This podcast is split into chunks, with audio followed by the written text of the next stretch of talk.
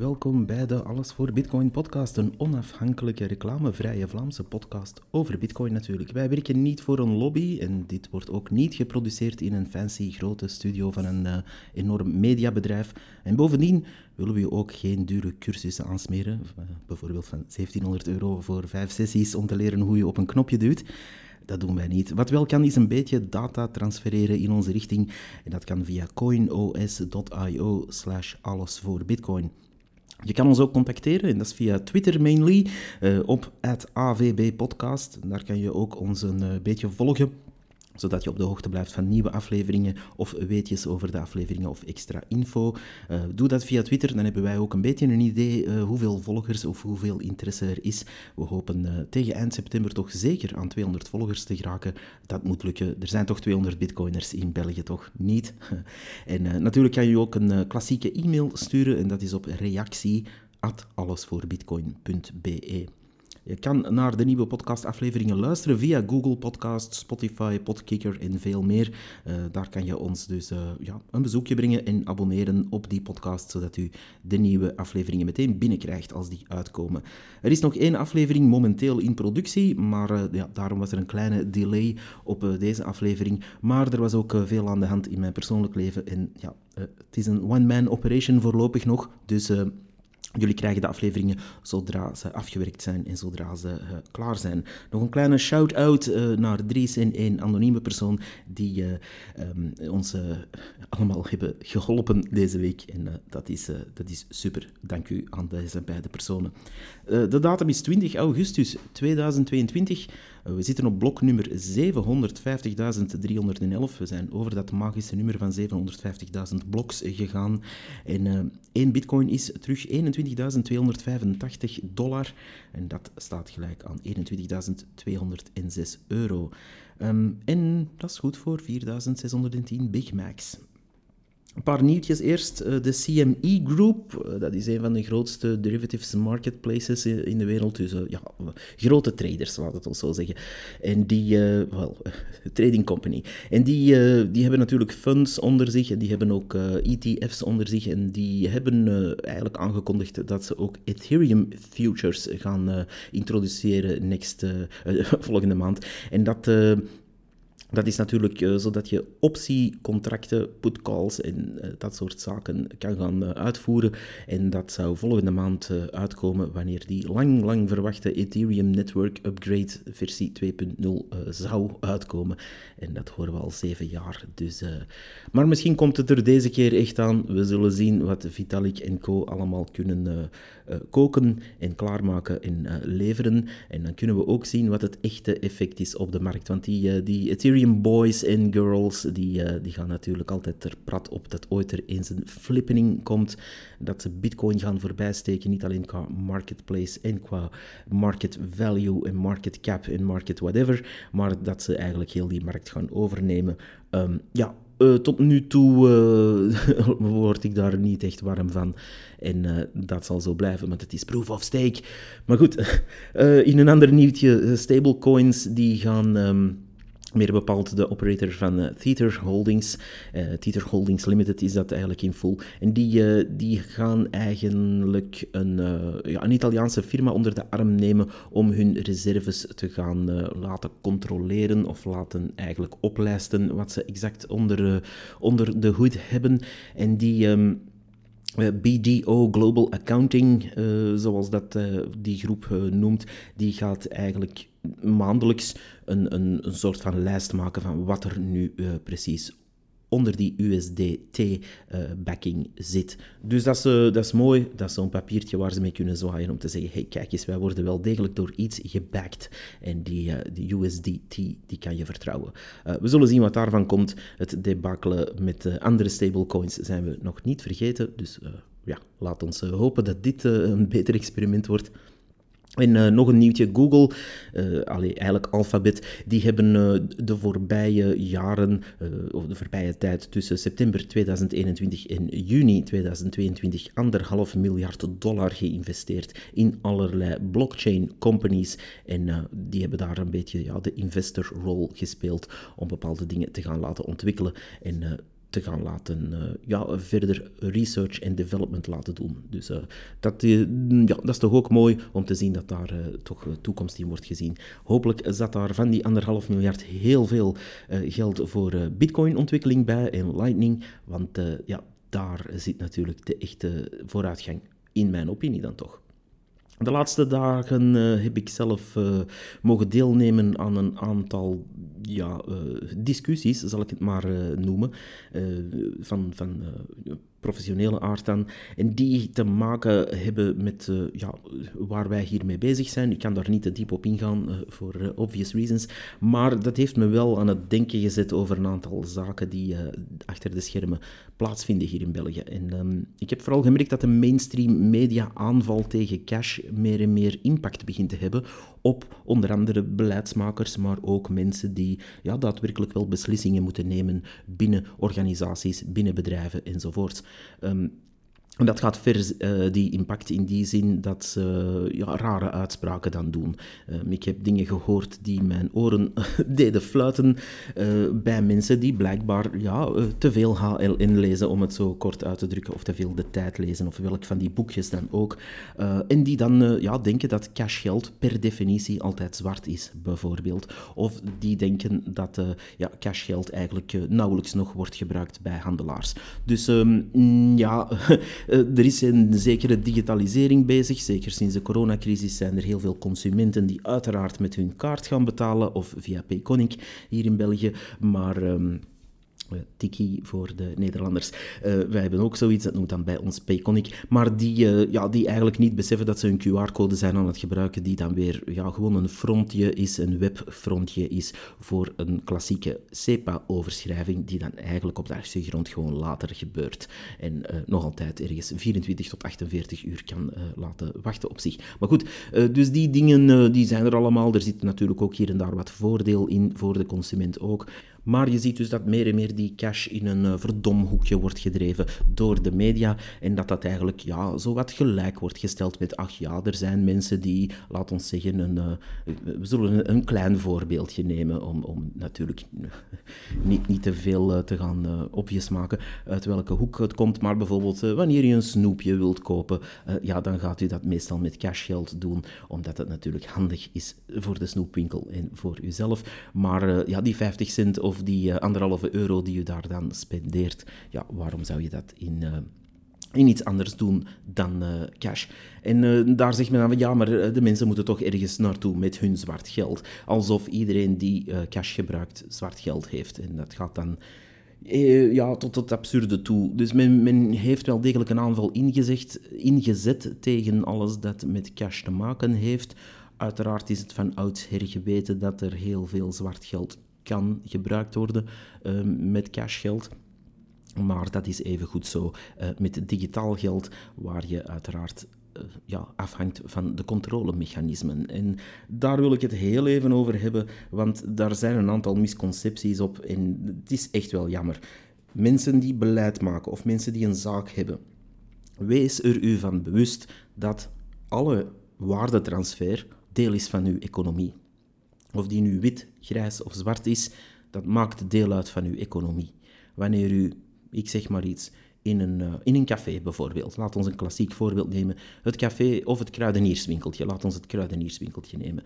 En u krijgt bijvoorbeeld een aantal mensen over de vloer die enkel en alleen betalen met cashgeld. Dan hebt u er het raden naar of die mensen dat in het wit, grijs of zwart doen. Dat kan zijn dat de grootste zwartwerkers van, van België zijn. Maar dat kan ook zijn dat dat gewoon mensen zijn die op hun privacy gesteld zijn en ja, hun, hun baargeld gebruiken om aankopen te doen in uw winkel. U als winkelier moet daar uiteraard niet politieagent of belastingscontroleur gaan spelen. U, uw taak is om uw zaak goed te laten runnen en uw uh, winst te maken, maar vooral ook om uw klanten tevreden te houden, zodat ze bij u blijven kopen. Wanneer zij dus aankomen met, zeg maar iets, een briefje van 50 euro, ja, dan kan u er maar prat op gaan dat dat... of dat nu zwart of wit is, dat u daar uh, kan op weergeven en dat u daar iets mee kan doen. Uiteraard kan u vragen van, hey, um, moest het lukken, uh, ga even met de bankkaart betalen, we bieden dat ook aan, dat kan je ook gebruiken. Maar ik wil maar duidelijk maken, sommige mensen gaan ervan uit dat ze als handelaar of als winkel of als uh, café of restaurant of groot bedrijf dat, dat uh, betalingen gaat uh, verwerken, dat zij rechter en beul moeten gaan spelen namens de staat, namens een falend wetgevend systeem, naast een falend politiek systeem en verder. Dat is niet uw taak. Uw taak is absoluut niet om uw consumenten te gaan zitten pesten. Uw taak is absoluut niet om uw consumenten te gaan zitten uh, ja, opsporen of te gaan zitten onderzoeken of ze al dan niet zwart geld gebruiken. Dus moest ik bijvoorbeeld een zaak hebben, eender welke, en iemand komt daar, zeg maar iets, 100 euro uitgeven in baar geld, of met een bankcontactkaart, of met een visakaart. Het zal mij een worst wezen, uh, zolang die mensen hun, uh, hun, rekeningen kunnen betalen en die uh, aan mijn kant ook clearen en dus op mijn rekening terechtkomen, op een of andere manier is het voor mij goed. Wat niet wegneemt dat ik het natuurlijk wel handiger zou vinden, persoonlijk, moesten mensen gewoon met de bankkaart betalen, want Ondanks de kosten is het voor mij dan wel handiger omdat ik niet met centjes en briefjes naar de bank moet gaan om dat dan weer op mijn rekening te laten zetten. Maar dat is een praktisch probleem. Maar daar zijn andere visies over en die kan je allemaal respecteren. Ik wil daar even heel duidelijk in zijn. Uh, mensen die, die ik zeg maar niet een winkel hebben om, of handel drijven in het algemeen, probeer dat cashgeld of uh, probeer niet rechter en bul te spelen tegelijkertijd, want dat dat is niet uw taak, punt uit. In een economie hoeft u alleen maar uw service of uw goed aan te bieden, zien dat u daarvoor betaald wordt, zien dat uw boekhouding klopt en basta. Waar dat geld vandaan komt aan de andere kant is absoluut uw probleem niet. Um, als er iemand systematisch zwart geld zou uitgeven in uw winkel, ja, dan is dat eigenlijk niet uw probleem, maar eerder het probleem van welke instantie dan ook die daar iets aan zou willen doen of die daar paal en perk aan wil stellen. Dus die, die taken in de economie, uh, men is zo'n beetje in de media aan het doen alsof het de handelaren zelf zijn die uh, ja, cashgeld moeten gaan weren, want dat uh, gaat het zwart geld tegengaan. Dat is niet hun taak. Absoluut niet.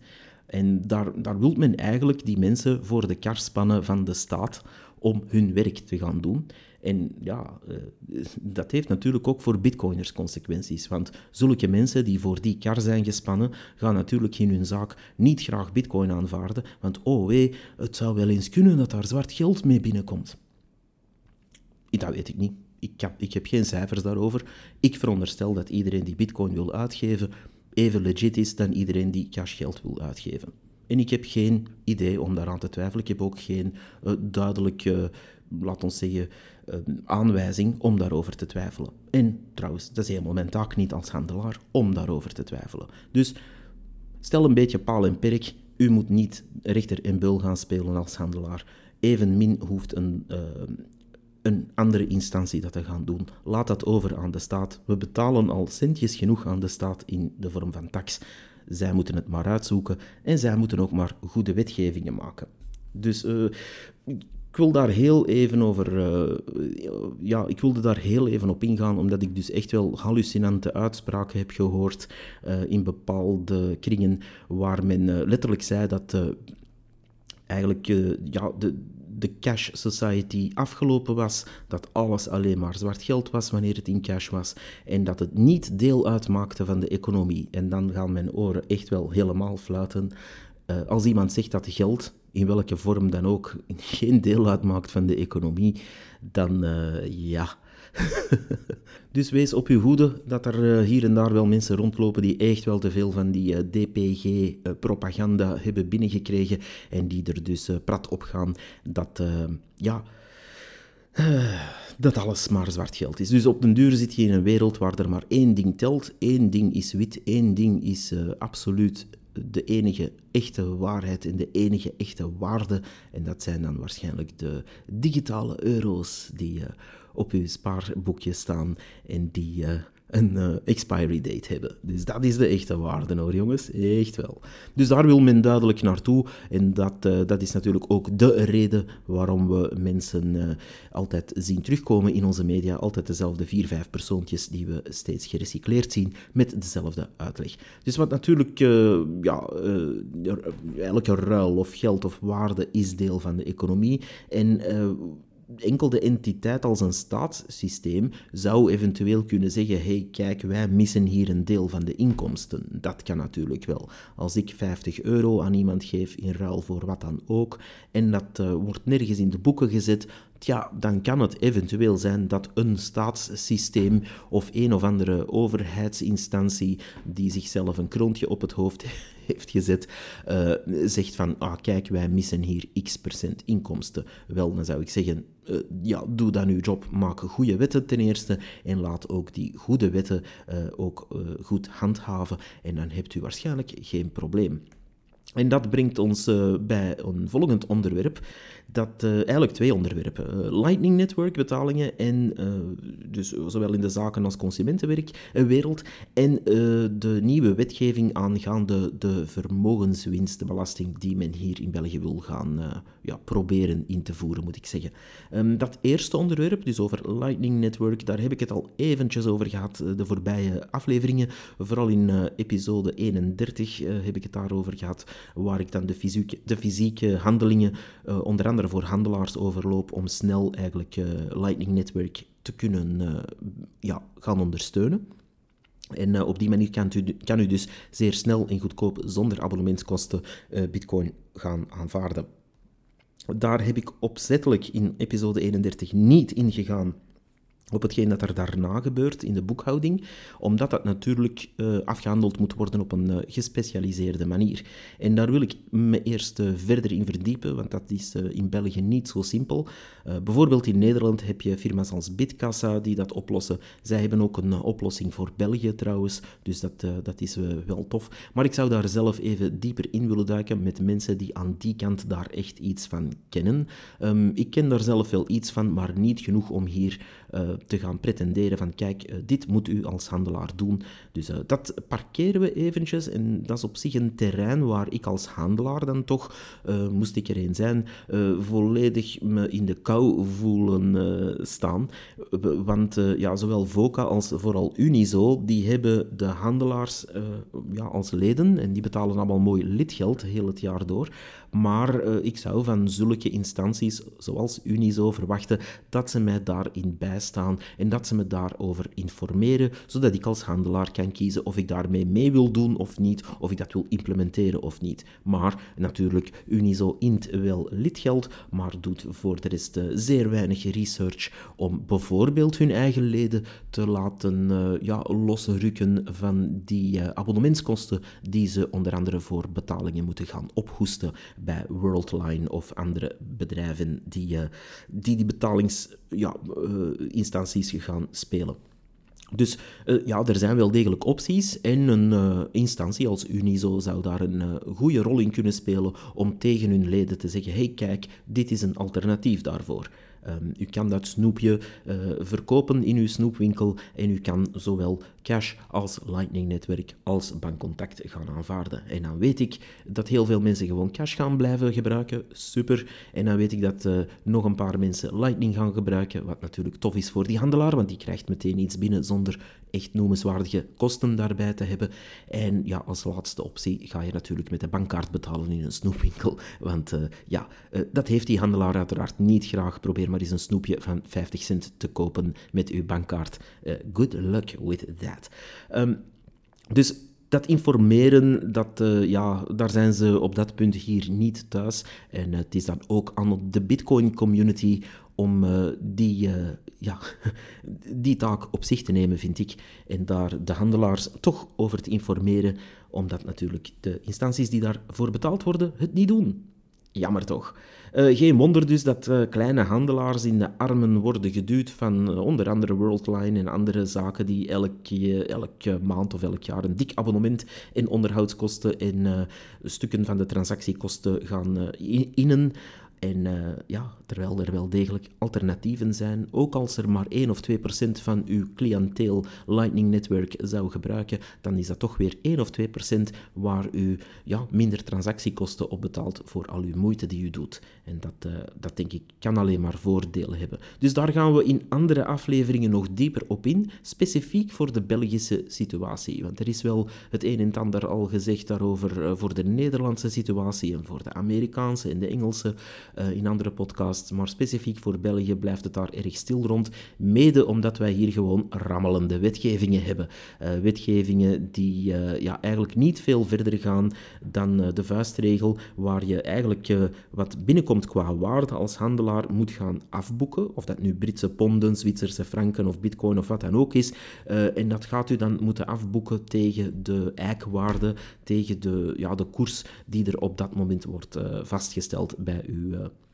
Bij de Nationale Bank eigenlijk. En die, uh, die afboekwaarde, daar moet u natuurlijk tegen afboeken. Maar ja, dat is niet zo simpel. als u dat allemaal manueel moet gaan doen, dan is dat eigenlijk niet zo fijn. dus daar zijn computersystemen voor. Maar ja... Het is natuurlijk weer een Belgische situatie waar een, twee à drie spelers die markt volledig in handen hebben en rara, die ondersteunen uiteraard geen bitcoin. Dus uh, die, staan, uh, ja, die staan wagenwijd open voor wat wij dan disruption noemen. En misschien is het eens tijd dat die hamer van de disruptie ook op die mensen hun hoofd valt. Het, tweede aspect is natuurlijk, uh, waar we het eh, over wilden hebben, is die vermogenswinstbelasting. En dat is iets waar ik het al eerder over had in eerdere afleveringen. Um, het is heel leuk om te zien dat er toch een aantal bitcoiners hier dieper op in aan het gaan zijn, hier echt aan het induiken zijn in dat onderwerp, om crypto, zullen we het dan maar even algemeen noemen, daarbij te proberen krijgen. En vooral natuurlijk uh, voor ons interesseert bitcoin alleen. maar wij zijn alleen geïnteresseerd in hoe het bitcoin vergaart. Maar toch, laat ons dat even even opentrekken. Even goed iemand die Ethereum of god beter de Dogecoin of wat dan ook voor shitcoins heeft gekocht, die zitten eigenlijk allemaal in hetzelfde schuitje ongeveer. En ehm, die wetgeving zou iedereen te goede komen. Dus ik roep ook de shitcoiners op en ook de mensen die zo wat borderline zijn van ja, ik ben eigenlijk wel een bitcoiner, maar ik ben ook niet vies van uh, een andere trade te doen. Ga eens allemaal samen aan het werk, zou ik zeggen. En ga allemaal eens een uh, briefje schrijven, liefst met één gemeenschappelijk standpunt of een reeks eisen of standpunten. En kom daarmee naar buiten en zeg tegen die uh, minister van PTGM van kijk, als u dan toch een vermogenswinstbelasting wilt invoeren of heel ons belastingssysteem wilt gaan uh, ja, door elkaar rammelen en up-to-date maken voor deze moderne wereld, want ze leven daar nog in 1920 blijkbaar, um, dan, ja, dan kunnen we misschien misschien ook uh, crypto uh, meteen meenemen en daar uh, paal en perk aan stellen. En dat is maar een idee natuurlijk, want er zijn binnen de Bitcoin-wereld veel meningen over. En ik respecteer die ook. Er zijn ook mensen die zeggen: nee, nee, laat ze gewoon maar stoven in hun vet. laat ze doen, want wij hebben er eigenlijk niks mee te maken, die fiat-wereld. Ja, dat is ook een mening en ik respecteer die evenzeer. Maar de realiteit is wel dat er vroeg of laat een wet zal komen. En daar kunnen wij dan best toch wel op zijn minst onze stem hebben laten horen. Want als we dat niet doen, dan hangt het van mensen uh, af die we niet zo graag zien komen. Ik herinner u aan het voorval in de Europese Unie, waar er iemand zit, ik ga ze niet nog eens qua naam noemen, u weet over wie ik het heb, over wie ik het heb maar... Um, uh, dan krijgen we dat soort gevallen waar er iemand die er eigenlijk uh, ja, twee artikeltjes ooit heeft over gelezen of nauwelijks iets over weet, een beetje zever komt verkopen. En dan hebben we een wet die rammelt, zoals we wetten hebben die rammelen op andere vlakken ook. Dus misschien moeten we onze stem hier echt wel eens laten horen als Bitcoin community vooral.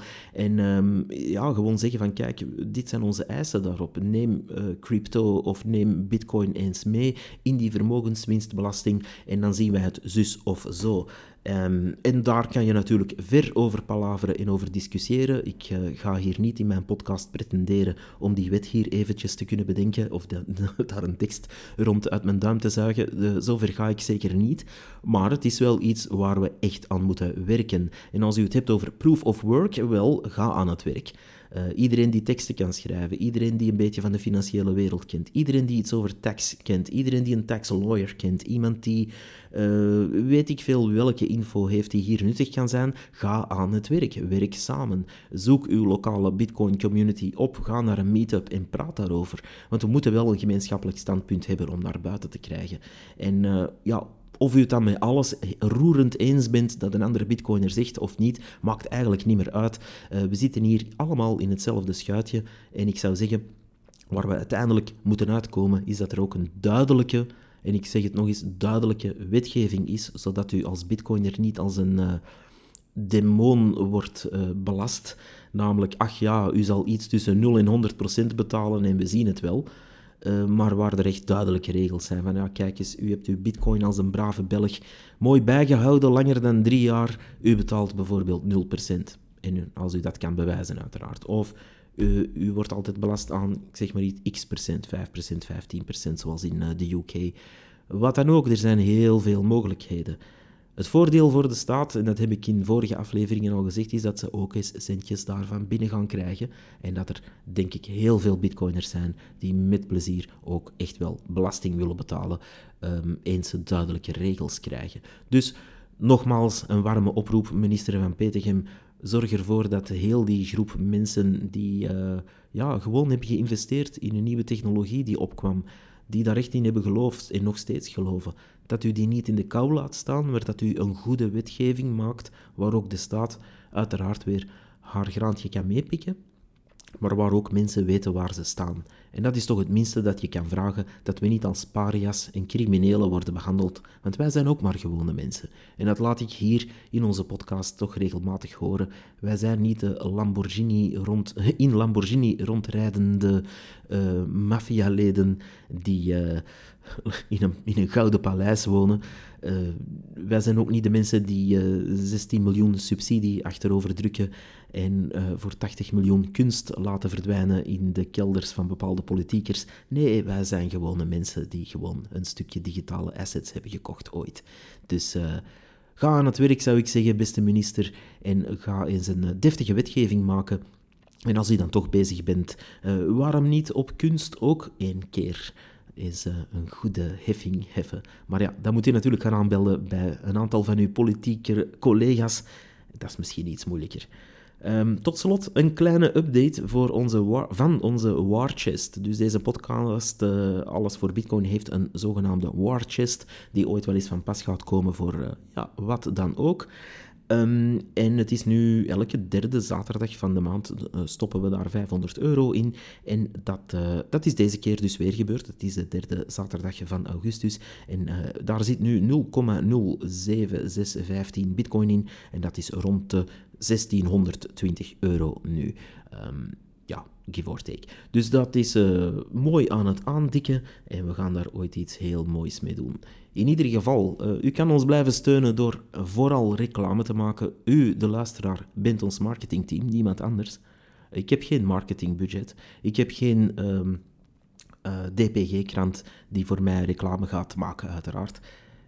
Ik ben maar alleen, ik heb een podcast en jullie de luisteraars zijn mijn marketingteam. Jullie, de luisteraars, zijn mijn sponsors, als het ware. Dat kan op coinos.io slash alles voor bitcoin. Maar wat u ook kan doen, is vooral um, deze podcast beluisteren. Uh, een tijd geleden had ik het hier bijvoorbeeld over RoboSats. Ik zie uh, nu meer mensen dat uh, ook beluisteren en daar ook gebruik van maken. En dat is heel mooi om te zien. Dus hier en daar pikt u wel iets op van deze podcast, zou ik zeggen. En ja, daar doen we het voor. In ieder geval, er komen meer interviews. Er komen ook ja, een aantal zaken waar ik dieper op in ga gaan qua onderwerp. En natuurlijk, af en toe komen er ook nieuwtjes tussen en nieuwsuitzendingen. Dus zover staan we met de podcast. Um, op Twitter is dat @avbpodcast. En ik zou zeggen, tot de volgende. Bye bye.